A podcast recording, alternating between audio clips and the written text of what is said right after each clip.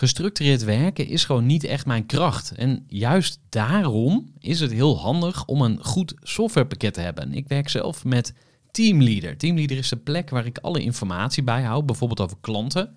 Waarin ik offertes maak en verstuur en die digitaal laat ondertekenen. Waarin ik facturen verstuur, waarin ik lijstjes bijhoud, waarin ik projecten kan managen, waarin ik standaard e-mails kan programmeren. Kortom, ik gebruik Teamleader om alle werkprocessen van mijn bedrijf te stroomlijnen. En zeker ook als je met een team werkt, is het heel fijn om over dezelfde informatie te beschikken. Nou, als je ook benieuwd bent of er mogelijkheden zijn om jouw bedrijf meer te stroomlijnen, of je nu alleen werkt of met een team, ga even naar teamleader.nl slash groeivoer en je kunt dan vandaag nog een trial starten voor twee weken lang, gratis. En je kunt Teamleader volledig uitproberen. En na de proefperiode krijg je ook nog zo'n leuke korting als luisteraar van Groeivoer. Ga naar teamleader.nl slash groeivoer. Gooi voor. Gooi voor. Gooi voor. Zoek je inzicht, inspiratie voor je eigen bedrijf. Wil je elke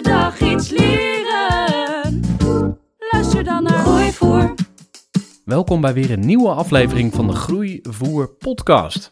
In deze aflevering ga ik in gesprek met Daan van Klinken, oprichter van Flow Your Money.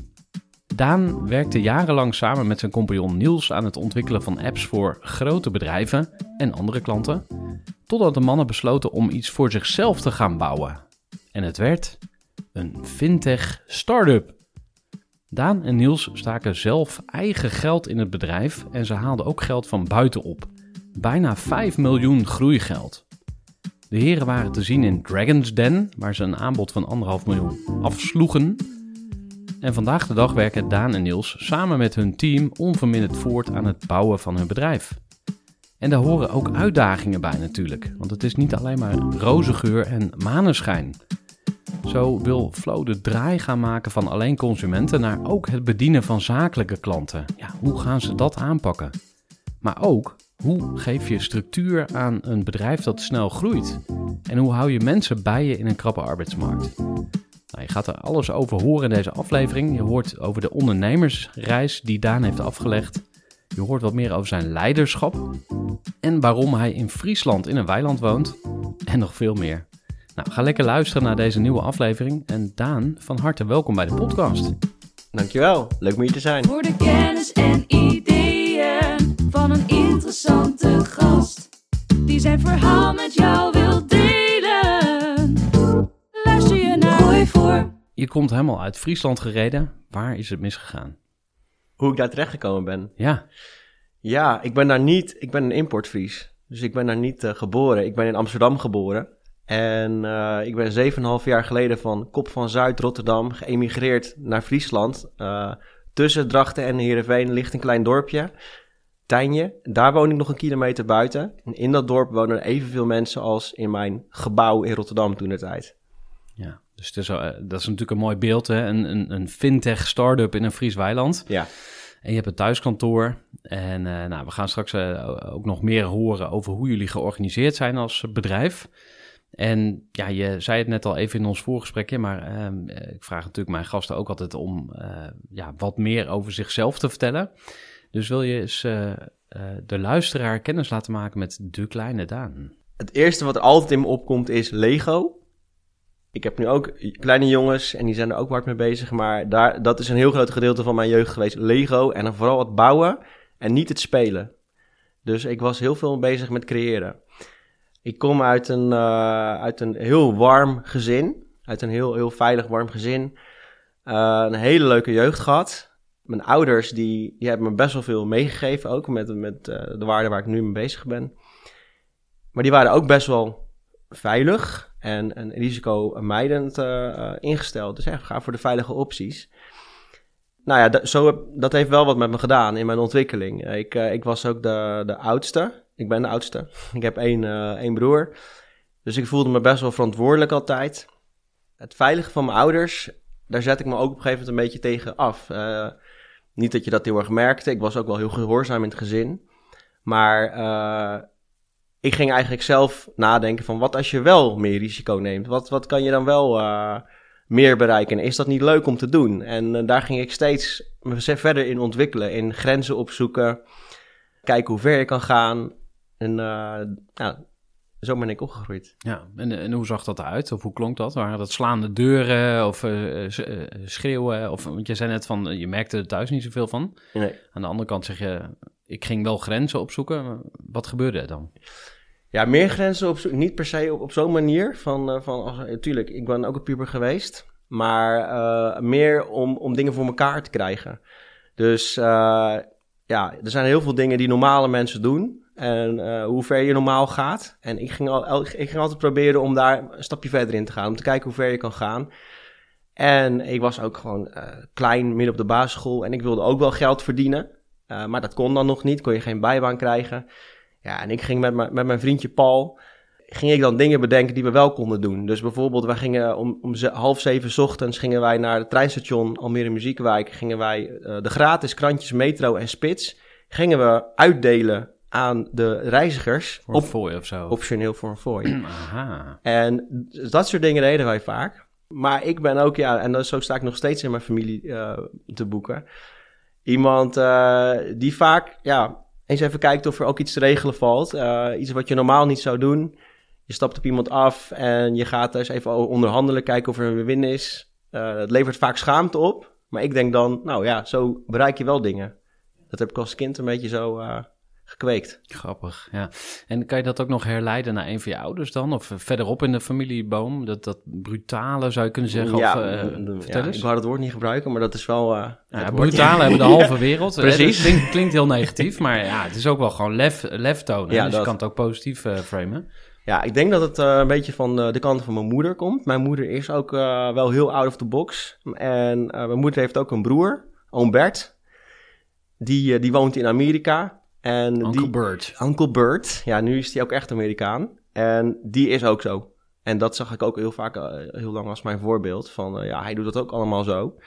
Waarbij uh, de rest van de familie met ja, facepalms erbij stond, regelde hij wel alles. En dat vond ik gewoon, ik dacht ja, dat kan gewoon. Moet je gewoon doen. Cool. Wat heb je van je ouders meegekregen? Zijn er bepaalde principes waarvan jij zegt, nou, dat hebben ze me echt wel meegegeven en, en die gebruik ik zelf ook nog, of daar sta ik zelf ook voor? Ik heb er heel veel normen en waarden van mijn ouders meegekregen. Ik ben ook uh, gelovig uh, opgevoed door mijn ouders. En dus een soort moreel kompas. Dingen goed doen voor anderen en voor de wereld. En je daarvoor inzetten, daar je skills voor gebruiken. Dat heb ik heel erg meegekregen van mijn ouders. Uh, ook een beetje uh, hoe je met geld omgaat. Maar misschien dat we zo meteen nog wel wat verder op ingaan. Maar ja, ik heb heel veel van, van mijn DNA over, over hoe keuzes maken over geld, et cetera. Mijn thuissituatie, hè, ik kom uit een, een middenklasse gezin. We hadden het uh, gewoon goed. maar, wat, wat deden je ouders dan? mijn, mijn moeder was kleuterjuf, maar toen mijn broertje en ik geboren waren... deed ze veel vrijwilligerswerk, maar ook onze opvoeding. En mijn vader uh, werkte bij KLM, engineering. En ik heb ook uh, van, van mijn vierde tot mijn twintigste gewoon met een volle overtuiging gedacht... ik ga ook bij KLM werken. Daar heb ik ook mijn uh, hbo-opleiding voor gekozen, mijn, mijn HAVO-richting voor allemaal voor gekozen. En uiteindelijk ben ik daar een pivot in gemaakt voor mezelf, naar iets anders. Maar um, dat deden mijn ouders. Mijn ouders waren best wel, hadden best wel een bepaalde kijk op geld... Uh, ik, had, uh, ik interpreteerde dat ook omdat ik me verantwoordelijk voelde als uh, we moeten zuinig met geld omgaan. Dus als ik dan boodschappen ging doen in de supermarkt, was ik heel erg op de, op de euro, nou, gulden centen toen uh, bezig. Met, oh ja, dit pak uh, is goedkoper dan die. En dan zullen mijn ouders wel blij mee zijn als ik die keuze maak. Dat was ook een beetje mijn invulling. Dus ze waren best wel zuinig op bepaalde vlakken. Maar wij hadden, dus wat ik net zei, ook familie in Amerika. En daar gingen we dan wel heel vaak heen. Ik ben er volgens mij zeven, acht keer geweest. Dus zij kozen eigenlijk van daar geven we veel geld aan uit. Dat is uh, uh, iets leuks om te doen. En op andere vlakken besparen we. Dus zo zag ik al van, hey, je kan keuzes maken over geld. Uh, je kan er ideeën over hebben en daarna kun je daar je leven op aanpassen. En later uh, ben ik mijn vrouw tegengekomen. en, toen, Hoe heet ze? Carlijn. Op de camping in Zuid-Frankrijk. Oh, handdoekje om de nek. Ja, ja, ja. en um, uh, nou ja, op een gegeven moment moesten we samen bedenken hoe gaan we met ons geld om. En uh, ik was dus best wel bezig met, met besparen en met, uh, met wat voor keuzes maak je dagdagelijks over je geld. Trouwens, ik sla nu even over dat ik ook een hele bijbaantjes carrière achter de rug heb natuurlijk, voor ik mijn vrouw leerde kennen. Ja, dat begon met de metro een spits uitdelen voor misschien een, een gulden of een euro. En later begon het met zoveel mogelijk bijbaantjes tegelijk doen. En mijn gouden eeuw was uh, toen ik 15 was. zo noemde ik het altijd. Dan had ik vier bijbaantjes tegelijk. Ik werkte op de markt, groente en fruit uh, verkopen. Ik uh, had een krantenwijk. Ik werkte bij een rooskwekerij. En ik paste op op vier kindjes. Dat laatste dat, was eigenlijk, kon ik eigenlijk niet echt aan. En dat geld gebruikte ik. Ik dacht, nou, dan ga ik mijn eigen kleren kopen. Dan ga ik investeren in computers en dingen waar ik wat mee kan. Dus zo was ik ingesteld van ja, sparen, uitgeven. Mijn vrouw was veel meer van sparen. En samen kwamen we eigenlijk op, automatisch op een potjesysteem uit met elkaar. We gebruikten ING, daar kon je spaardoelen toen al instellen. En dat gingen we dan doen. We gingen spaardoelen instellen voor onderwerpen, vakanties, uh, tafel, uh, whatever. En we maakten met elkaar de afspraak van het geld wat erin zit, dat mag je gewoon nooit meer, dat mag je niet aanraken. Dat is alleen voor dat doel, dat is niet voor ons, dat is voor dat doel. Het is er eigenlijk niet, als het ware. Meer nodig, regel je meer geld. Zo zijn wij uh, daarin gerold. Ondertussen ging ik door daarmee. Ik ben, uh, dat vertelde ik hiervoor ook, best wel van de statistiekjes uh, bijhouden en, en, en metertjes. En ik ben nou, best wel gaan, maar gaan verdiepen in zaken als de total cost of ownership van een auto. Hoe reken je dat allemaal uit? Maar ook met zorgverzekeringen, ik was op de 31 december was ik voor mezelf en voor anderen allemaal van die spreadsheets aan het maken en aan het uitleggen van nou ja, er zit een verband tussen je eigen risico en de premies en uh, er zit ergens een sweet spot. Nou, heel veel mensen denken daar niet rationeel over. Die denken van ik wil geen financiële verrassing, dus ik zet mijn eigen risico het laagst. Waarmee je dus gegarandeerd 200 euro meer premie betaalt. Daar heb ik echt een sport van gemaakt. En dat is eigenlijk wel heel erg hoe ik ben en hoe ik nu over geld ben gaan nadenken. En wat ik ook dus in mijn bedrijf gestopt heb. En daar kan ik echt mijn ei in kwijt. Ja, super tof.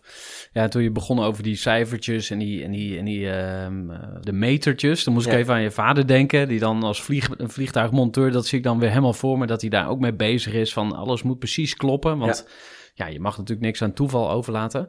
Ja. Um, en dat is trouwens ook, dat, dat, was ik even vergeten, maar mijn vader is helemaal van... Uh, van de spreadsheets en loggen van elke vlucht met vluchtnummers die hij gedaan heeft en ook berekeningen. Dus dat, dat spreadsheet nerden, dat heb ik uh, ook van mijn opvoeding meegekregen. dat, dat, zit er ook in. We gaan het straks uh, ook nog hebben over het, uh, ja, hoe je met geld in je bedrijf omgaat. Ik wil nu eigenlijk eerst even de brug slaan naar ja, je bedrijf, want dat is natuurlijk een belangrijk onderwerp in dit gesprek je zei al van ik kan heel veel uh, van, van ja, hoe ik met geld omga, kan ik kwijt in dat bedrijf. Of in ieder geval, dat is, dat is heel, uh, heel duidelijk wat mij betreft. Uh, flow, flow your money. En de URL is, voor alle duidelijkheid, wil je die even noemen? Dat is flowyour.money. Exact, heel goed. Ik weet niet hoe je die op het spoor gekomen bent, maar dat is lekker makkelijk onthouden. Um, ja, laten we maar eens naar de begindagen gaan. Hoe is het allemaal begonnen, jullie bedrijf, ja. jullie fintech? Het is al jaren daarvoor begonnen, in de auto, tijdens het carpoolen met Niels. dus die zei in het begin al in de intro, ik, uh, ik, ik werk al heel lang samen met Niels, mijn compagnon. Uh, als productontwerpers, hè, je had het al even in het begin gezegd, wij hebben een heleboel producten gelanceerd voor grote merken. De Ziggo televisie-interface die je nu gebruikt, nou, hebben wij, uh, zitten wij achter. Builader-app, Schiphol-app, PostNL-app meegewerkt. We zitten elke avond, elke dag eigenlijk een beetje naar jouw, uh, crea jullie creaties te kijken. Ja, ja. Dat is wel cool. Dus dat hebben wij jaren gedaan voor andere bedrijven. Hè. Dan ben je bezig met businessdoelen halen, met techniek samenwerken, met de eindklant. Dus we hadden ze altijd al zoiets van, we willen dit een keer zelf doen. Um, we gaan een keer voor onszelf dat doen en starten. En het onderwerp, daar zochten we altijd naar. Maar ja, zoals je net hoorde, ik, ik heb uh, iets met geld. En ik heb zoiets van, ja, heel veel mensen kunnen eigenlijk veel rationeler eigenlijk met geld uh, omgaan. En het is eigenlijk niet zo moeilijk als je dat op een bepaalde manier doet, met bepaalde trucjes. Op een gegeven moment viel het gewoon ons op van wij, wij zetten onze skills in om mensen te helpen, om nuttige dingen te maken of leuke dingen qua producten. Maar op dat onderwerp eh, hoefden we, kregen we bijna geen opdracht. Hè? We zagen van ja, wat, wat doen banken nu eigenlijk, en dat was dan jaren geleden, aan het probleem rondom geld. Want het is eigenlijk wel het grootste probleem ter wereld voor heel veel mensen. Geld, eh, zorgen. Het viel ons op dat er weinig in gebeurde. Dus wij hadden zoiets van, nou, dat is het gebied. Wij gaan iets starten en daar gaan we iets in starten. En om dat voor elkaar te krijgen, eh, dachten we, ja, allebei gezin, loondienst. Hoe eh, de schoorsteen moet blijven roken en hoe gaan we dit doen? En plus, we hebben nog nooit in dit onderwerp gewerkt. Hoe gaan we dat allemaal doen? Nou, toen dachten we, laten we dat gewoon uitdenken. Wat zijn de opties? We gaan freelancen. Dus we zijn gaan freelancen, want dan verdien je meer geld. Dan kan je met het geld wat over is, eh, kan je een bedrijf stoppen. Je kan minder werken voor meer geld. Dan hebben we tijd over. We zijn bij ING gaan freelancen. eh, aan een digitaal huishoudboekje gaan werken. Wat in de Engelse markt ging lanceren. Eh, dat heette Jolt. En... ehm, Y-O-L-T. Y-O-L-T. Ja, oké, ja. ja, ja. Daar zijn we mee gaan starten. En ik had meteen een afspraak gemaakt met mezelf. Ik, heb een, ik verdiende X, ik verdiende een bepaald salaris in loondienst. En dat is ook wat ik me blijf uitbetalen. Ook al, ook al kreeg ik eh, eh, vier, vijf keer zoveel eh, binnen. Dat geld is niet van mij. Dat is voor mijn onderneming. Moet niet aankomen. Ik heb gewoon mijn oude salaris. Want ja, die lifestyle die hadden we al. En dat is natuurlijk heel vaak wat in het normale leven niet gebeurt. Elke keer als je meer verdient, dan, eh, dan, dan verhoog je de lifestyle, lifestyle-inflatie. Ja, de wet van Parkinson eh, wordt die ook al genoemd. Hè? Dus eh, beschikbare ruimte wordt altijd benut. Precies. Ja, Maar goed, even dan weer terug naar de originele vraag. Hoe zijn we dan met Flow gekomen? Wij zaten aan een digitale huishoudboekje te werken en wij dachten van... wauw, dit is echt de oplossing voor mensen. Je geeft inzicht wat je uitgegeven hebt aan de hand van je transactiedata. Je koppelt je bank, je krijgt meteen inzicht. Klanten waren er blij mee in het begin van wauw, dit is, eh, dit is eh, ik, ik ga mijn leven veranderen. Zoveel geef ik een boodschap uit. Maar we hadden meteen al een retentieprobleem na een paar maanden. Dat eh, klanten de app niet meer openden. Ook al zijn ze nog steeds blij ermee. Dus wij hebben daar onderzoek naar gedaan. En gezien van, hey, wat is nu de reden? De reden is dat A, op een gegeven moment weet je het wel wat je, wat je uitgeeft. B, het is confronterend om je de hele tijd je eigen slechte gedrag te zien. Je hebt het weer niet goed gedaan. Net zoals een weegschaal waar je liever niet meer op staat. En we dachten, ja, dit is eigenlijk ook niet de oplossing. Je gaat eh, aan de zijlijn de hele tijd tips geven en roepen. Eh, maar we moeten die mensen eigenlijk helpen met de bal in het goal te schieten. Dus zo zijn we onder andere op het idee gekomen om niet achteruit te kijken in een achteruitkijkspiegel, maar vooruit kijken met mensen. Van hey, als je salaris binnenkomt, als je daar nu al eh, over kan beslissen, wat zou je dan willen dat er gebeurt? Nou ja, je wil je, je rekeningen kunnen betalen, je wil een buffer opbouwen, je wil misschien spaardoelen vullen, je wil deze maand ook genieten van je geld en bepaalde dingen. En wij dachten, ja, dat is eigenlijk wel uh, wat we moeten doen. We moeten met mensen dat uh, afspreken, instellen en we moeten in de paymentshoek gaan. We moeten ervoor zorgen dat, dat die betalingen automatisch uitgevoerd worden voor mensen, zodat ze niet op hun wilskracht hoeven leunen. En dat is eigenlijk wat Flow is. Flow is een, een app die koppelt met je bankrekeningen. Die bankrekeningen gebruik je dan als potjes en doelen en budgetten. En je stelt in wat moet er gebeuren als als mijn salaris binnenkomt. Uh, uh, we richten ons ook op freelancers met die app. Als mijn uh, factuurbedrag binnenkomt. Nou, ik zei net voor de podcast is mijn managementfactuur binnengekomen en die is met acht betalingen verdeeld. En dan stel je in wat er moet gebeuren en dan gaan wij dat gewoon automatisch uitvoeren. Wij gaan letterlijk geld van A naar B overzetten. Ja, en uh, waarom ook de freelancer? Hè? Wij waren ook aan het freelancen en we zagen van, ja, dit, dit idee is eigenlijk op iedereen met een bankrekening van toepassing. Maar waar begin je dan? Wie heeft, voor wie is het nou echt een pijn eerst? Uh, en we zagen dat er een heleboel freelancers uh, het eerste jaar hun BTW en hun inkomstenbelasting uh, uitgaven. Hmm. Dus niet apart gezet hadden. Ja. ja. en we dachten, huh? dat is gewoon het geld. stap nou, 1. laat ik het maar uitgeven en dan ja. ben ik er maar vanaf. Maar jullie gingen die, die groep dus helpen? Ja. ja. Met het idee om daarna andere doelgroepen te gaan aanboren? Of dacht je van, we gaan gewoon één doelgroep pakken en, en that's it? Of... Uh... Nee, we hadden daar we hadden eigenlijk een, uh, ook een slide gemaakt met de, de, hele samenleving erin. Mensen in de, in de schuldhulpverlening tot en met uh, mensen die hartstikke veel geld hebben en die het ook willen managen. en daarboven zitten nog bedrijven en, en enterprises.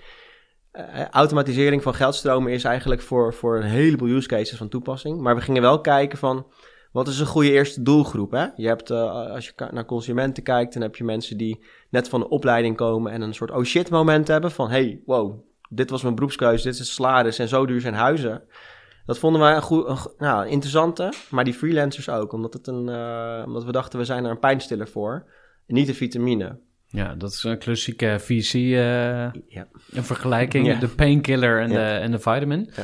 Dus eh, jullie dachten, oké, dat is, dat is- daar kunnen we echt een painkiller zijn. We kunnen echt een urgent en pijnlijk probleem oplossen. Ja.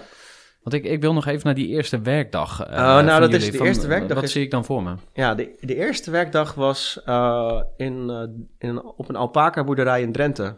Mm, Ja. Dat moet je toch even uitleggen. ja, nou ja, wij hadden dat idee bedacht. En eh, Niels en ik, die waren al bezig met wat, wat, wat, wat mentors uit de banking scene. Van, eh, van hey, wat zullen we doen? En we waren ook, elk jaar organiseerden wij een hackathon. Met, wij waren dan ontwerpers en we, wij konden niet coderen. En wij kennen ook goede ontwikkelaars die kunnen coderen, maar niet misschien met concepten komen, ideeën. En gewoon voor de lol dingen maken. Dus het eerste jaar hadden we dat in mijn achtertuin gedaan in Friesland. eh, rondom een eh, kampvoertje met, eh, met worstjes, ideeën bedacht. Nou, dat, dat hebben we gedaan. Het tweede jaar, mijn vrouw wilde dat niet meer bij ons in de achtertuin voor for reasons. Al die dronken programmeurs. Ja, Nee, precies. Ja. dus toen hebben wij, Niels en ik, hebben een, een alpaca-boerderij op- Airbnb. Dus gewoon een, een, woonboerderij waar ook alpaca's Maar gefarmd je ziet het meteen voor je, dus goede marketing. in Drenthe, midden in de winter, februari. En wij dachten, eh, laten, laten wij dit idee pitchen om iets te doen met, eh, met een, met een bank, bank API. Bunk was een eh, bank die had voordat de, de wetgeving, PC2, kan ik zo wat meer over vertellen, inging, eh, al een hele mooie koppeling gemaakt. Nou, dus wij hebben dat gepitcht van laten we daar iets mee maken, iets met dat je dat kan automatiseren. En andere jongens die hadden een, een idee voor een dating app. Een andere jongen had een idee voor crypto zeeslag. Dat je Oh. Ethereum in bootjes stopt. Nou, we hebben dan het crypto-zeeslag-idee en het flow-idee hebben wij eh, allebei gekeken of we dat in een weekend konden bouwen. Met smart contracts en crypto en Ethereum erin. Nou, dat dachten we dan toch niet. Maar dat flow, dachten we, misschien kan dat wel. Dus toen hebben wij daar met, met pizza's en bier, hebben wij de naam bedacht. Eh, we dachten, flow, dat, dat is logisch. Moest een URL bij. Nou, best wel veel bedrijven heten flow. En zo hebben we Flow.money bedacht. En eh, website gemaakt app, eh, Bunk API's keys gekregen, team gecontact, eh, app werkte, backend werkte, website was live, zondagavond iedereen naar huis, online gezet. En ik dacht, nou, we zien wel. Eh, het was, het- we hadden daar nog niet een idee over van dit wordt onze start-up, maar we wilden er gewoon ervaring mee opdoen met het idee. En online zetten is in de App Store eh, Ehm, lanceren of zo? Of Nou, we hadden eigenlijk de website gewoon online gezet. En, website, en, ja, en ik had een tweet online gezet Mhm. met dit is Flow. En nou, en even later, ik zat bij mijn schoonouders op de bank, eh, zag ik, hey, ik, eh, hij wordt opgepikt door een, door een tech-influencer, Mark Kolbrugge, Ja. 16.000 volgers. Dus ik was al iedereen aan het eh slekken van, jongens, maar iedereen sliep al, iedereen was kapot na het weekend. 30 minuten later, Alexander Klupping, retweet, dit is grappig. Nou, en we hadden toevallig al een hele waitinglist gebouwd, ook in het weekend. Die begon vol te stromen. Mensen kwamen op ons af. Ja, dat wil ik. Bunk, die contacte ons. Ali Nicknam, ook in deze podcast geweest. Ja, nou, Die Bunk... ging, die ging jullie opnemen in de presentatie, eh, begreep ik? Ja, we kregen een mailtje van Bunk. Van, hey jongens, eh, mogen we jullie namen van de teamleden, e-mailadressen en wat logo's en plaatjes? En ik dacht, why? why? Waarom? Nou, eh, Ali gaat over jullie presenteren. Dus wij, oké, oké. eh, eh, hoodies printen, logo's erop. Ja. Een week later of twee weken later zaten we daar. En hij presenteerde van, jongens, dit is wat jullie om vragen. Wij hebben een API gemaakt, zodat andere bedrijven dan eh, waarde toevoegen. Dit is Flow. En eh, ondertussen zaten we ook bij ING natuurlijk. En daar gingen ook al wat belletjes rinkelen van... hey, nieuwe innovatie, op een soort radar hebben ze daar. Dus daar kregen we ook al van, hey, wat zijn jullie aan het doen? En dat vonden ze wel een beetje interessant. Ja. Dus wij hadden zoiets van, hmm, ING vindt er wat van. Of hè, eh, mensen vragen erom, Ali presenteert over ons. Zullen we hier onze start-up van maken? En eh, dat hebben we, we hebben toen met iedereen eh, die in dat team zat, hebben we ge- goede gesprekken gehad. Van, hey, wil je met ons in dat avontuur stappen? Even een korte onderbreking met een belangrijke vraag aan jou. Want wat heb jij geregeld voor het geval je van de ene op de andere dag zou komen uit te vallen? Wat gebeurt er dan met je bedrijf, maar vooral wat gebeurt er met jou persoonlijk en ook in financieel opzicht? Samen met ASR voerde ik drie openhartige gesprekken over tegenslag en veerkracht. En dat deed ik met Saskia, Vincent en Pieter. Ondernemers met een bloeiend bedrijf die van de ene op de andere dag niet meer konden werken. En die verhalen hoor je in aflevering 256, 257 en 258 van deze podcast. Als ondernemer wil je natuurlijk niet uitvallen. En daarom is het belangrijk dat je veerkrachtig bent, want voorkomen is beter dan genezen. En als het dan toch misgaat, is het fijn dat je iets geregeld hebt, zodat je weer snel door kunt met ondernemen. Wil je weten hoe veerkrachtig jij nu bent? Vul dan in twee minuten de veerkrachttest van ASR in. Ga naar asr.nl slash veerkrachttest ondernemers. En uh, nou, zo zijn we met een groepje gestart. Eerst part-time met ons eigen geld. En dat was uh, voordat er uh, de PSD2-wetgeving ingegaan was. Een PSD2-wetgeving is eigenlijk Europese wetgeving die zegt tegen elke bank: je moet een koppeling aanbieden met partijen om daar apps op bovenop te bouwen. En die data moet daar naartoe kunnen gaan en betaalinitiaties. En dat is natuurlijk niet iets wat elke bank uit zichzelf wil. Dus daarom is dat vanuit de EU eigenlijk een wetgeving geworden. Uh, het leek er de hele tijd op van ja, voordat de EU ergens over uit is, dan zijn we nog wel even een paar jaar verder. Dus wij dachten, nou mooi, we zitten in een vacuüm. We hoeven nog niet te voldoen aan al die, die, die, die wetgevingseisen. We mogen wel koppelen met partijen zoals Bunk. We kunnen dat bootstrappen gaan we zo uh, ons bedrijf oprichten. Maar onze eerste challenge was eigenlijk dat wij bij de Nederlandse bank een klein jaartje verder bij een event waren waar er eigenlijk aangekondigd werd, kerst, van nou het gaat komen PC2. Aha. En toen dachten wij, oké, okay, nu, ons idee. Nu wordt het echt. Wat, ja, wat, wat moeten we nu? Dus op, op de borrel bij, bij een, in een Nederlandse bank gingen wij met CEO's van, van bekende fintechs nu en met advocaten en met partijen praten van zo'n vergunning, hoe, hoe haal je dat dan? Oh, dat kost, dat kost drie ton, kost vier ton. Oh, oké, okay, maar we dachten ja, we zagen om ons heen de andere fintech initiatiefjes stoppen van nou laat maar. Maar wij dachten ja, maar we zitten wel op iets waar vraag naar is en, en die wachtlijst die groeit hard en zullen we niet gewoon uitvogelen hoe, je, hoe we geld gaan ophalen dan? En zo zijn we eigenlijk erin gerold. Je ging samen met je compagnon uh, alle borrels aflopen. Je ontdekte van, oh ja, zo'n vergunning uh, halen, dat is best wel ingewikkeld, kost veel geld. Dus daar hebben we funding voor nodig. Daar ga ik straks ook nog wat over doorvragen. Maar ondertussen denk ik de hele tijd, waarom jullie samen? Wat, wat maakte jullie zo leuk samen? Waarom ben je verliefd geworden op Niels en hij op jou? Ja, ja, dat is wel grappig hoe dat al begon, want het begon ver voor, voor Flow. Wij, uh, wij kennen elkaar van de opleiding. Uh, we deden CMD, Communicatie Multimedia Design in Rotterdam. En we zaten in verschillende groepen, maar die opleiding was best wel, best wel competitief ingericht. Je deed vaak uh, multidisciplinaire projecten samen, met bedrijven samen, waar er gepitcht moest worden. En we waren gewoon elkaars rivalen. Hè. Niels, elke keer dacht ik, oh, oh wat heeft Niels nou weer gemaakt met zijn squad? Uh, Oeh, oeh, ja, en dan won Niels. Of, uh, of wij wonnen, of Niels won. En, en zo stonden wij een beetje bekend als uh, ja, erg ambitieuze, beetje competitieve mensen. En op een gegeven moment sprak ik hem een keer op een event tijdens de opleiding. En toen merkte ik dat we best wel veel in overeenkomst hadden. We zijn allebei vroeg getrouwd op de opleiding. En nog meer dingetjes waarin we gelijk waren. Dus dacht ik, oké, nou, leuke gasten ook nog. En toen ik later mijn loopbaan begon, toen uh, ik ben bij een ontwerpbureau gaan werken. Dat heette toen Unit ID, het heet nu Hike One. Uh, waar we dus uh, die projecten voor al die klanten die ik net noemde, Ziggo, Volkswagen deden. Daar werkte ik. En Niels die was in een half jaar eerst in Zuid-Afrika vrijwilligerswerk gaan doen. Dus die kwam na een half jaar ook in de lucht van, hey, ik zoek een baan. Toen dacht ik, hey, die moeten we hebben. Die moeten we hebben, kom bij ons werken. Ja. We waren complementair aan elkaar qua profielen. Dus Niels die deed meer het visuele gedeelte. Ik deed meer het, het uitdenkwerk, het interactiegedeelte. Uh, dus, dus wij waren al heel snel een duo. Wij gingen gewoon alles samen doen. En ook in dat bedrijf waren wij weer de meest competitieve personen. En we, we legden de lat heel erg hoog voor elkaar. Ook. En dat maakte ons scherp. En dat vonden we leuk. En we trokken aan elkaar op. En uh, gingen steeds naar een hoger niveau werden uiteindelijk allebei teamlead. Kregen we allebei een eigen team. En we deden ook uh, dingen net wat anders. Zoals uh, ik altijd al doe. Ja, dan uh, vonden wij het nodig om een hele kamer voor onszelf, voor ons eigen project. Want dan heb je een, een mental model van het project. En dan gingen we planten naar binnen slepen en televisies en beamers bestellen. En zo zetten wij elke keer de toon.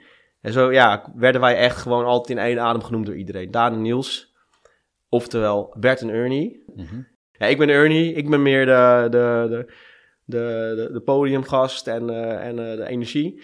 En Niels is, eh, is wat meer de, nou, de nadenker. En stiekem ook wel met heel veel humor. Maar zo staan wij dan, eh, zo, zo zijn wij eigenlijk een duo. En zo zijn we gestart. Ja. En na al die jaren samen was het gewoon eigenlijk logisch. Toen wij na al die carpool sessies iets wilden starten. Ik dacht, ja, en, eh, ik was op een gegeven moment een beetje uitgeleerd bij het bedrijf. Ik dacht, wat is nou mijn volgende stap? Ga ik bij zo'n zo'n corporate werken, waar we steeds opdrachten voor doen? Eh, gaan we zelf iets starten? Maar ik dacht, ja, wat, het, wat dan ook, één ding is zeker. Ik ga het met Niels doen, want Ja. hoe, hoe, hoe snel vind je zo'n soort samenwerking nog een keer? Wat vind je eigenlijk het leukste aan eh, Niels?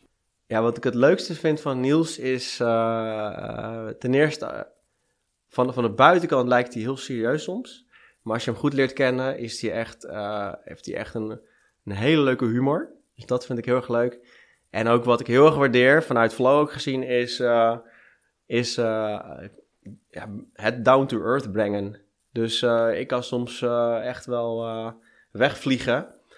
Maar dat dan weer met, een, met een touwtje aan de luchtballon naar beneden trekken en, en doorvertalen naar vandaag, dat vind ik heel erg waardevol. Ja, dus jullie zijn echt wel een heel goed duo eh, daarin. Ja. En is, is er dan ook echt een moment geweest dat jullie zeiden van... oké, nu moeten we het echt doen? Want ik geloof dat er heel veel mensen, eh, ook bij corporates werken... of bij bedrijven die dan eh, bijvoorbeeld iemand tegenkomen die ook wil ondernemen... en dan willen ze dat zelf ook en dan gaan ze de hele tijd met elkaar praten... maar ze, ze, ze wagen nooit de sprong, Nee. snap je wel? En, Ja. en dat hebben jullie wel gedaan. Super herkenbaar dit. Wa- was er een moment... Ja, vert- vertel. Nou ja, wij, wij, eh, wij zaten ook zo lang al te praten erover. We hebben hele klapblokken volgeschreven met ideeën. Ik ga ze niet allemaal noemen. Sommige zijn echt beschamend. Maar eh, eh, heel lang over nagedacht. En heel lang ook in de comfortzone gezeten. Van ja, maar toch een loon en zo. En hoe ga je dat nou doen?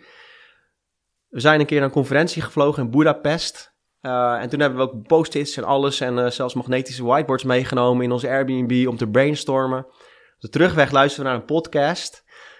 Uitgeklokt heet die. Eh, was eh, van twee, eh, twee jongens die, die helemaal vertelden hoe het freelance in elkaar zat en acquisitie doen en alles. Toen is er bij ons een zaadje geplant van hey, dat zou een mooie 1-2'tje kunnen zijn voor ons. We gaan eerst freelancen en daarmee kunnen we dan ons van die gouden kooi verlossen en een halve stap in het ondernemerschap wagen. En daar hebben we dus een plannetje op gemaakt met elkaar. Dan zijn we een beetje asynchroon. Niels heeft eerst een freelance klus gevonden. Ik daarna ook. En zo hebben we die stap gemaakt. Ja, dus eigenlijk het freelancen was eh, vanaf dag één al eh, bedoeld als tussenstap. Van Ja. hey, we gaan een echt bedrijf bouwen. Ja. Ehm, eh, om, om dat te kunnen financieren gaan we, gaan we freelancen. En, ehm, maar daar ga je er niet mee komen. Want je vertelde, we, we waren op die, op die borrel en bij de Nederlandse bank. En toen kwam het over bankvergunningen. Toen bleek dat we veel geld nodig hadden. Nou ja, om iets te bouwen heb je misschien ook programmeurs nodig, andere resources om het weer in de markt te zetten. Dus ehm, eh, hoe hebben jullie dat stuk aangepakt? Hè? Want dat is eh, denk ik een groot onderdeel van jullie ondernemersverhaal Mhm. ook. Het ophalen van funding. Je steekt er zelf wat geld in en de rest komt van Ja. puntje, puntje, puntje. Puntje, Vertel. Ja, onze aanpak, wij, wij zijn ontwerpers. Hè? Dus wij hebben altijd al bedrijven geholpen met... hey, we staan nu hier, maar we zouden heel graag helemaal hier willen staan. En hoe gaan we dat ooit doen? En daar hebben wij eh, altijd met methodieken en workshops en design sprints... en hebben wij eh bedrijven in geholpen hoe je daar dan toch die, die tussenstapjes voor bedenkt. En zo hebben wij dat ook eh, zelf voor onszelf gedaan. We dachten, ja, dit is iets wat we nooit eerder gedaan hebben. We staan nu hier, punt A. Punt B is, we hebben deze funding opgehaald, we hebben het product gebouwd, we hebben die vergunningen gehaald. En daar is dit voor nodig. Hoe gaan we dat nou doen? En dat begint met gewoon eh, eh, een eerste versie van je idee te bedenken. Van denken het zo- dat het zo zou moeten. En dan mensen gaan vragen van kun je er eens overheen plassen? Eh, van wat klopt hier allemaal niet in dit plaatje? En dan kom je al heel gauw tot een, een, een, go- een goed verhaal. En wij zijn eigenlijk gewoon heel brutaal. Want dat is dus hoe jij me in het begin noemde. die eigenschappen. Zijn we gewoon langs die partijen gegaan die, die banken en partijen helpen met vergunningen aanvragen. En elke keer gewoon eh, eh, zonder budget vanuit onze kant gewoon, eh, gewoon serieus gevraagd hoeveel... Ja, oké, dit is de, de case. hoeveel kost dat? Ah, zoveel. En dan meteen erachteraan vragen, doen jullie ook aan investeren? Nou, Aha. nee, nee. Een soort maar- tro- Troy, Trojan horse Ja. approach. Dus, Ja. nee, nee. En de derde zei ja. aha. Oh, top. Oké, bam, we hebben er één. Onze oude opdracht, onze oude werkgevers, Rick Leroy en Matthijs Collard van Hike One, die geloofden ook in ons. Die wilden ook meedoen. Maar we hadden nog wel wat meer eh cachet nodig om echt een ronde te gaan eh, starten. En eh, we zijn ook via, ik woon in, in Friesland, dus we zijn ook daar in het noorden bij, bij ondernemersnetwerken, bij, bij de NOM bijvoorbeeld, zo'n Noord Noordelijke Ontwikkelingsmaatschappij zijn we gaan buurten Dat is overheidsgeld? Of, overheidsgeld. Ja. Maar die hadden ook een programma met, eh, met investor ready worden. Ze dachten, nou ja, is goed, weet je wel. Want eh, ja, je hebt best wel veel dingen die je moet doen daarvoor. Hoe doe je het allemaal? En dat was vooral het netwerk wat handig was. Eh, er was iemand die daar, eh, die, die, eh, die op een borrel ergens was. Die liep tegen een van de founders van Adyen aan. Ergens, niet in het noorden, maar ergens in het westen van Die Nederland. staan allemaal in de quote volgens mij ook eh, zo'n beetje. Ja, dat is Robert Kraal, dat was eh, Hm. de COO van Adyen. En die zei van, eh, hey, eh, die vroeg aan, aan Robert, wat doe je tegenwoordig? Ja, ook investeren in fintechs. Oh, ik ken er nog wel één. en zo kwamen we met Robert Kraal. En toen hebben we een paar sessies met, met hem gedaan. In Utrecht hadden we een, eh, een kamertje gehuurd in een coworking space. En we dachten, oh, wat erg. Wat een, wat een klein keldertje is dit. Wat zou die... komt hij hier wat binnen. die denken? Ja. Maar die gast is, is gewoon, eh, ja, de fun factor staat bij hem altijd op nummer één. En Fun of fund? fun. Fun, ja, oké. De fun in funding. De fun in funding. En leuke sessies gehad over de strategie eh, gepraat. En, en na een paar sessies gewoon gevraagd van... wil je ook investeren in ons? Nou, ja. Oké. En zo ga je dan eh, een, een collectie maken. En zo hebben we de eerste ronde eh, gedaan. En dat was ook het moment waarop jullie zeiden, nu gaan we het echt doen? Ja. Of hadden jullie toen al iets? Nou, we waren al steeds meer ons eigen geld in aan het stoppen. We waren al bezig met, met die PC2-vergunning en aan het bouwen. Dus eh, eigenlijk was het gewoon eh, een- een soort tijdbommetje. En dat gebruik je dan ook, ja, in die investeringsronde. Dan ga je natuurlijk praten, heb je sessies. En eh, ja, die investeerders hebben niet per se de motivatie om snel dat even te closen.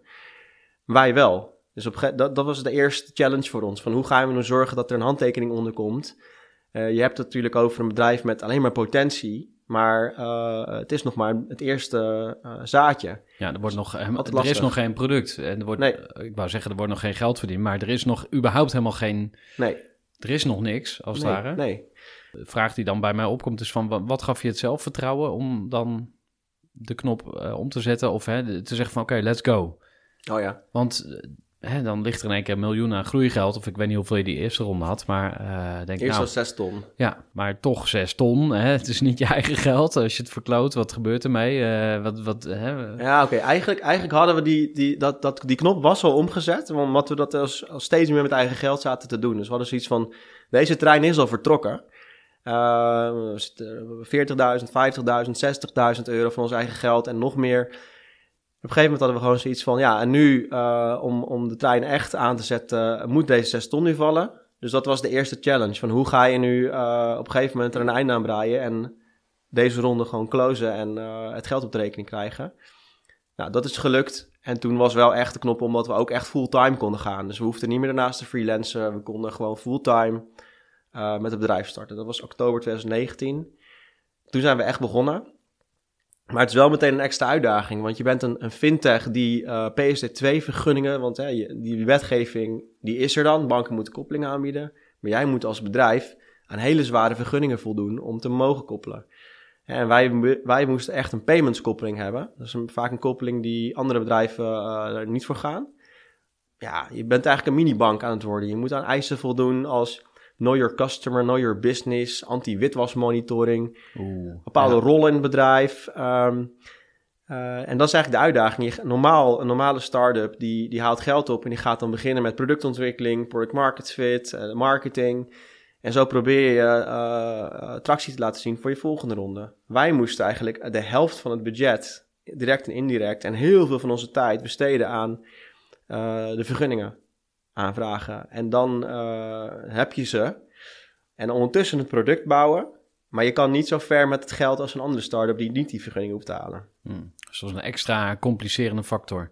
Ja. En, en hoe hebben jullie dat verdeeld? Was dat dan Niels die vooral het moeilijke eh, vergunningenwerk deed of zo? En jij de, ontwikkeling? Of, of deden het allemaal samen? Of hoe, hoe ging dat? Ja, nou, wel eigenlijk zoals je net omschreef. Dus Niels is veel meer met de vergunningen bezig, et cetera. En ik meer met, eh, met de inhoudelijke productvraagstukken. Maar ook hoe ga je zo'n know your customer eh, systeem bouwen op een ge- gebruiksvriendelijke mogelijke manier met leveranciers die bepaalde prijzen vragen, et cetera. Maar onze start van, van Niels en ik was wel eigenlijk default, we doen alles samen. Hè, want dat hebben we altijd al geopereerd. Eh, eh, en ja, in het begin ben je gewoon vooral bezig met, ja, wat kan ik oppakken en wat ligt mij het best? En zo zijn we dus wel gestart en zo hebben we dat eh, gehaald in het begin. Ja. In totaal hebben jullie bijna 5 miljoen eh, groeigeld opgehaald, misschien wel meer. Nee, bijna vijf. Ja. En ehm, waar kwam de rest van het geld vandaan? Ja, dus we, we zochten altijd niet alleen naar geld, maar we zochten altijd naar mensen die al eh, eerder meegemaakt hebben wat wij nu op punt staan mee te maken. Smart money, zeg maar. Smart money, Ja. Hè, eh, elke keer was het weer van, nou, we staan nu hier, we moeten een woestijn door en iemand moet ons aan de hand meenemen en, en hoe gaan we daar doorheen? Dus we hebben, eh, we hebben echt hele leuke investeerders aangetrokken op allemaal van die, die skillgebieden die wij zochten. Hè? Dus Robert Kraal, Adyen, die heeft een, een Nederlandse fintech unicorn eh, eh, mee opgericht. Iemand ook uit zijn tijd, Marnix van der Ploeg van Booking.com, was de nummer 10 daar, die heel goed is in internationalisering. We hebben de voormalige head of product van Uber en van Facebook, Nederlanders. Ja, voor product, op productgebied, eh, Arnoud Albersberg, die eh, eh, nou, impact investeerder, die ook achter de CEO van CarePlus was, eh, die ook nu een grote rol speelt in de doorstart van Lightyear. En ehm, nog meer leuke investeerders trouwens. Enigma Consulting van die, die vergunningen. En nu ook VC's. En Ja. grote interna- internationale Venture capitalists. Ja. Ja. ik weet niet of ik het goed zeg, maar dus eh, grote diepe zakken met geld. Ja. Vertel verder. Dus die, die heb je allemaal eh, in je ecosysteem getrokken of Ja. die heb je allemaal bij, bij je verzameld. Ja. Hoe gaat dat dan verder? Want dan heb je al dat geld opgehaald en je bent aan het bouwen. En eh, hoe is die relatie met die mensen? Bellen die elke week eventjes? Of hoor je er nooit meer wat van terug? Hoe, eh, hoe kun je ze gebruiken en van ze leren? Ja. We hebben heel veel vormen geprobeerd. eh, en, en elke keer kijken we weer van wat is nu weer de vorm. We zijn in, in het begin begonnen met een soort raad van advies. eh, voordat we nog eh, funding opgehaald hadden. Dat best wel formele vorm eigenlijk voor de fase die we toen hadden. Later zijn we meer naar diepere samenwerking natuurlijk. qua vergunningen ophalen, et cetera. En, en meer aan ad hoc model gegaan. Waarbij we echt gewoon ja, diepere sessies hadden met investeerders. bellen, whatsappen, langskomen, in de keuken zitten. Uh, vervolgens hebben we uh, meer ja, quarterly updates, hè, dat je presentaties geeft. En met de VC's is het weer een andere samenwerking. We hebben echt gezocht naar VC's die heel erg hands-on waren. Er zijn heel veel VC's die uh, eigenlijk vooral geïnteresseerd zijn in latere fases, maar alvast een stoeltje willen aan tafel uh, en even bij een seedronde meedoen. Want een, uh, alleen... Mocht het ooit een unicorn worden, dan... Ja, maar dat is leuk. Alleen ze zijn eigenlijk niet gespecialiseerd in bedrijven in die fase helpen. Dus wij hebben echt uh, ja, aanbiedingen afgeslagen van, van partijen die, waarvan we dachten die kunnen ons niet helpen. En partijen gezocht die echt helpen van, van seed naar Series A te gaan. Ja, en dan ben je dus steeds, en die zitten dus niet in Nederland, uh, qua ambitieniveau hmm. waar wij naar richten. Ja, dan zit je steeds in het vliegtuig, dan zit je steeds se hele sessies doen, vlie ze vliegen naar ons. Uh, en dan ben je echt aan het whiteboarden en, en van alles aan het doen. En ook uh, hebben zij weer een heel netwerk. Dus je zit met allemaal mensen en... en uh, Elon Musk. Ja, Nog net niet. vaker. nee, maar dit klinkt natuurlijk wel... Dit spreekt mij in ieder geval aan. Van, oh ja, een vliegtuig, ze vliegen naar mij toe. En champagne. Nou, champagne, ja, als de deal geclosed wordt. Ja. Oké, okay, en... Ik heb, hier, ik heb hier trouwens een, de kurk van de eerste investeringsronde oh, van de Spanje Die heb ik... ah heel uh, mooi tegen een plafond aangeknald. Uh. Cool, dus dat is een soort reliquie? Of, uh, ja, ja, die zit toevallig in het, in het geldblik wat ik mee heb. Ja, tof. Um, en en um, jij zei van die VC's, we zochten meer de hands-on mensen die ons ja. echt verder konden helpen. Dus niet mensen die gewoon even nog een tonnetje ergens inzetten nee. om mee te doen.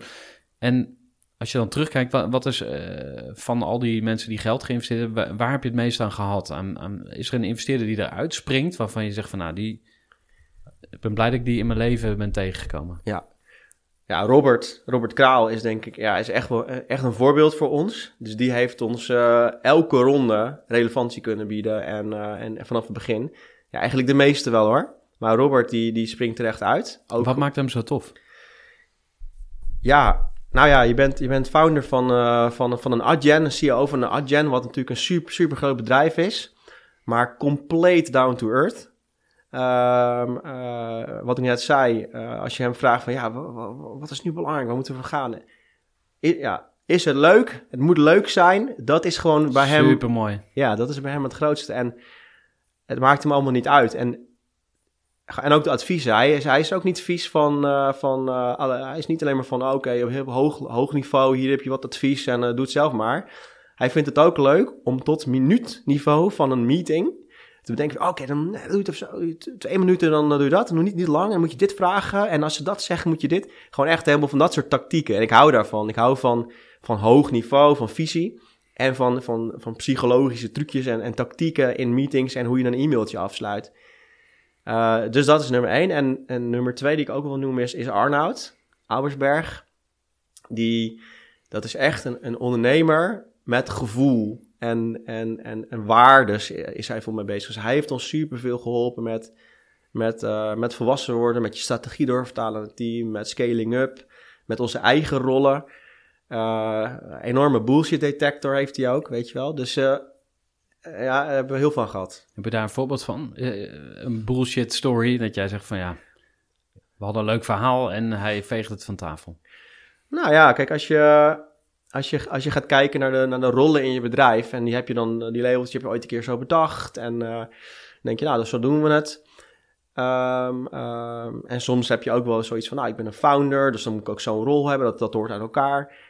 Nou, daar prikt hij doorheen. Dan, dan vertelt hij eigenlijk van, nou ja, dit heeft niks te maken met, eh, met die rol. Het bedrijf moet een bepaalde kant op gaan. Eh, je hebt een bepaalde successtrategie. En je hebt daar bepaalde mensen met bepaalde skills bepaalde plekken voor nodig. Dus Dus hij draait het om. Hij zegt, daar- of Ja. tenminste, hij, hij stelt het bedrijf centraal. Ja. En de mensen Het die doel. dienen dat. Ah. Ja. Als een magneet.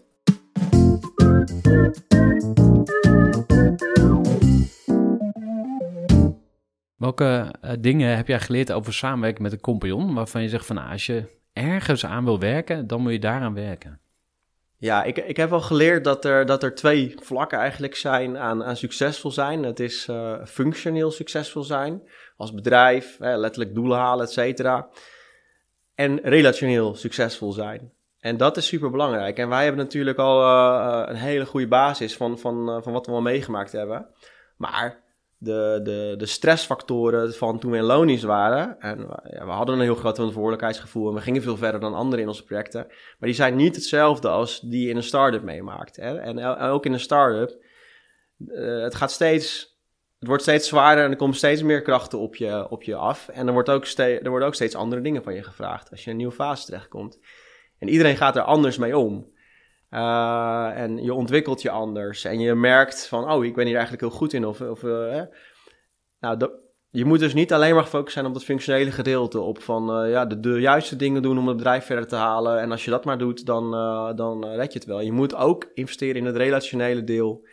En daar op, op hetzelfde niveau in blijven en komen. Want anders dan, dan ben je zo sterk als je zwakste schakel. Ja, Dat is en heel belangrijk. Jullie doen dat met die offsites, eh, dus de- dat helpt denk ik heel erg. Er zijn er nog meer tips die je hebt over samenwerken met een compagnon? Je zegt van, ah, als je dit doet, dan Ja. gaat het je echt helpen. Ja, die offsite is grappig, want wij zijn dus op die, op die alpaca-boerderij en, eh, en die Airbnb begonnen. En dat hebben we er een beetje ingehouden. We zijn, eh, omdat ik helemaal naar Friesland geëmigreerd was en hij nog wel bij Rotterdam in de buurt woont, begonnen als remote bedrijf. Dus dan zit je op afstand te werken en dan ben je allebei thuis heel veel werk aan het verzetten. Maar we, hadden dat er meteen ingebracht van, nou, maar dat is eigenlijk heel waardevol als je elkaar, als je wat meer tijd met elkaar doorbrengt. Eh, eh, ook, eh, ook sociale dingen. Dus we zijn dat eigenlijk als een ritme erin gaan houden. Natuurlijk, toen COVID kwam, was het allemaal wat, wat challenging. Tijd doorbrengen met elkaar is, vind ik, heel erg belangrijk. Dus niet alleen maar effectieve tijd en, en meetings met agendapunten, maar tijd met elkaar doorbrengen, buitenwerk om ook. En op locaties die niet op kantoor zijn, vind ik heel erg belangrijk. Ehm, ik wil nog weer even terugspringen naar iets wat je eerder zei. Want eh, ik vroeg van, oké, eh, hoe, ehm, eh, wie, wie springen eruit in al die mensen waarmee je samengewerkt Mhm. hebt? En toen noemde je, ik noem hem even meneer Kraal. En ehm, hij Wij zei... moeten hem ook meneer Kraal noemen. Oh, echt? Nee. Oké, Nou, lijkt me wel heel grappig. Hij heeft het steeds over fun. over vind je het leuk? Uh, wat is voor jou nou één ding waarvan je zegt van ja, dat vind ik echt super leuk aan de start-up life of aan het ondernemen? En is er één ding wat je eigenlijk toch liever snel kwijt wil?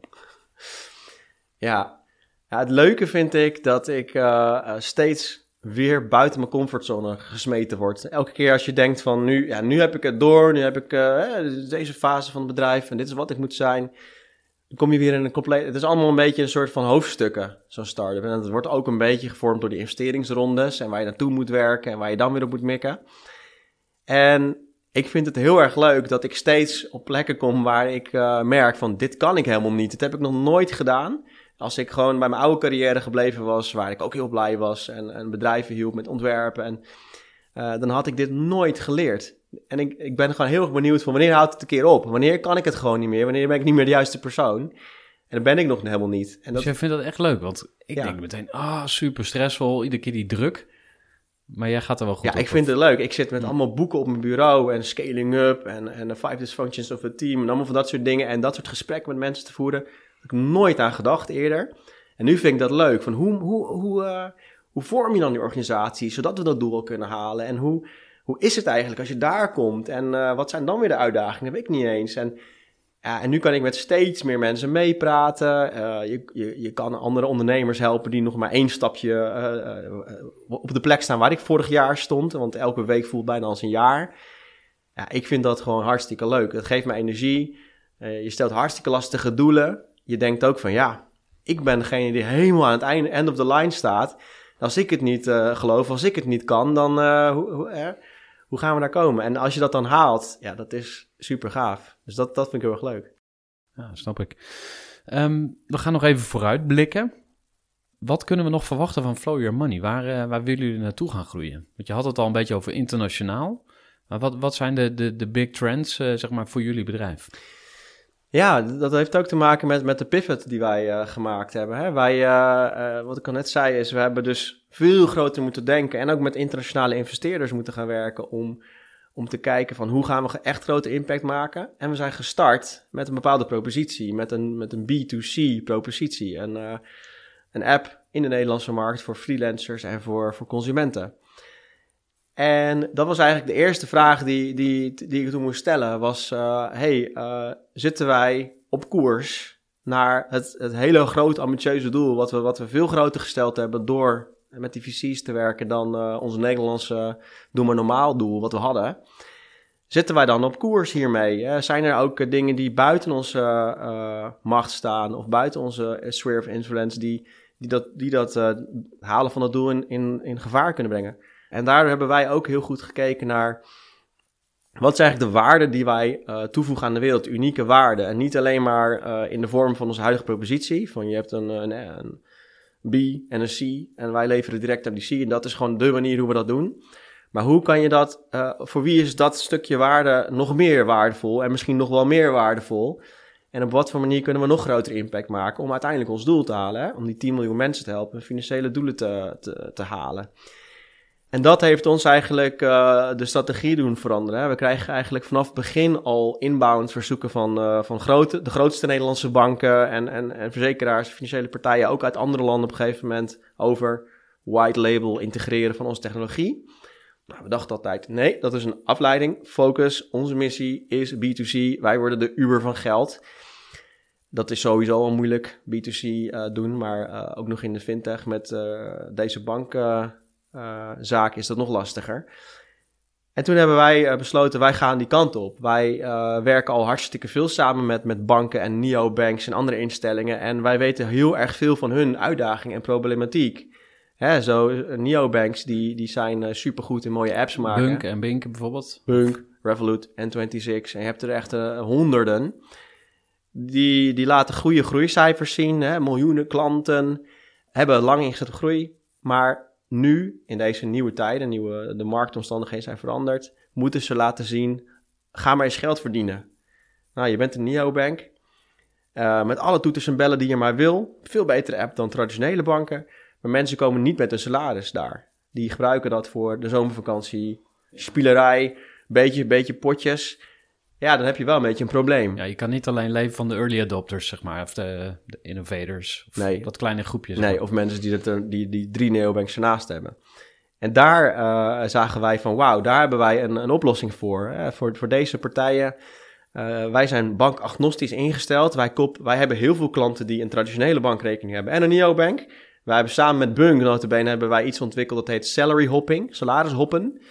Je hebt een traditionele bank, waarom heb je die? Onderzoek naar gedaan. Omdat je daar een hypotheek hebt en je hebt daar je vaste lasten. Maar je wil eigenlijk die neobank gebruiken voor boodschappen doen en cardpayments en misschien crypto. Het is allemaal makkelijker daar en handiger.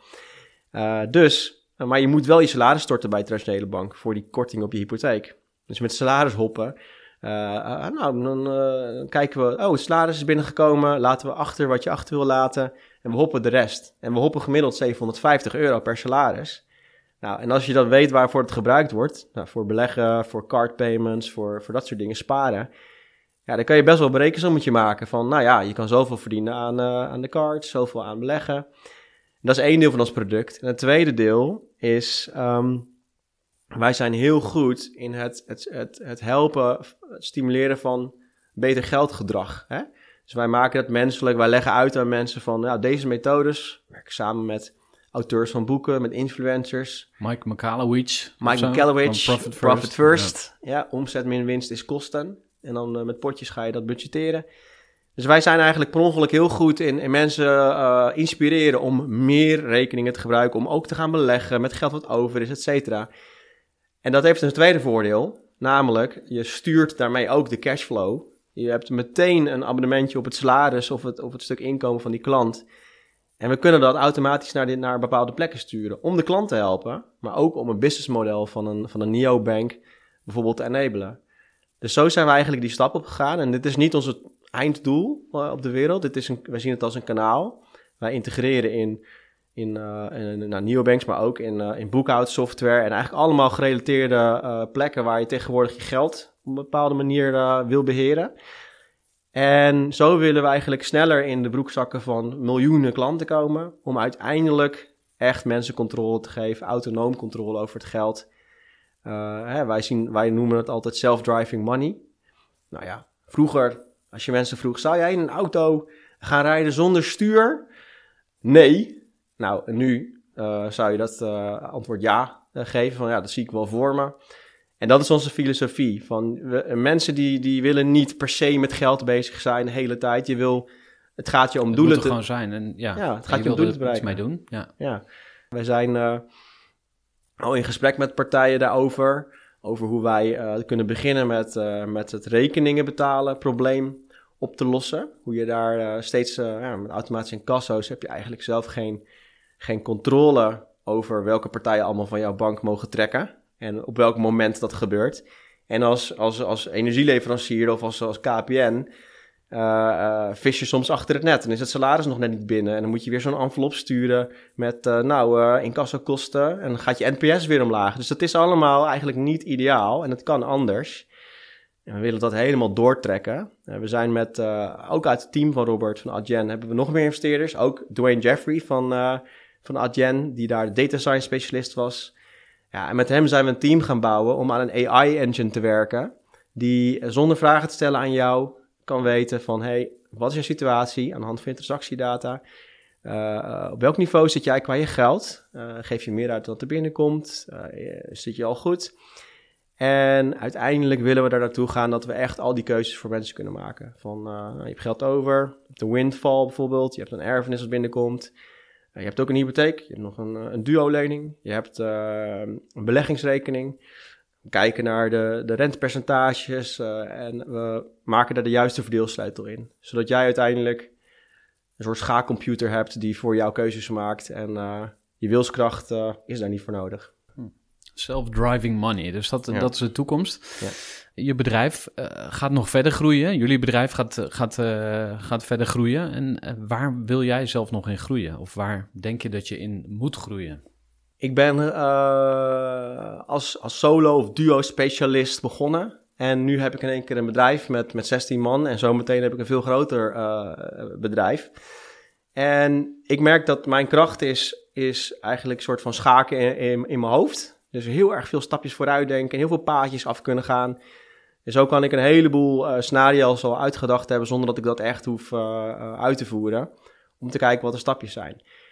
Maar je hebt er niks aan als jij in je eentje uh, 17 stappen op de rest van je team vooruit loopt. Dan heb je, of je hebt een hartstikke goede integrator nodig die alles wel begrijpt en doorvertaalt.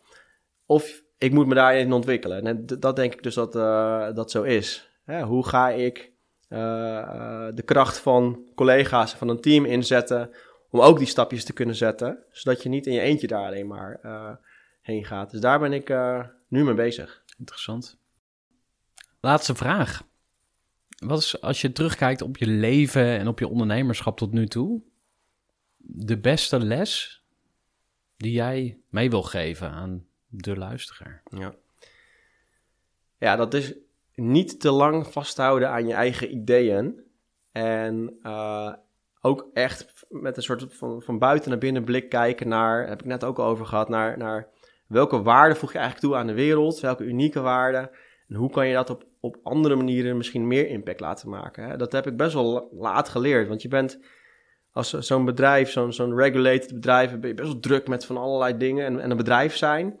En je denkt, ja, uh, wij zijn B2C. En uh, daar hebben investeerders ook uh, voor getekend. Dus dat, dat is dan de richting. Terwijl, ja, door wat ik net had uitgelegd, doordat je dus kijkt van ja, maar zitten we wel op koers? Maar is dit wel de beste manier om deze waarde naar de wereld te brengen?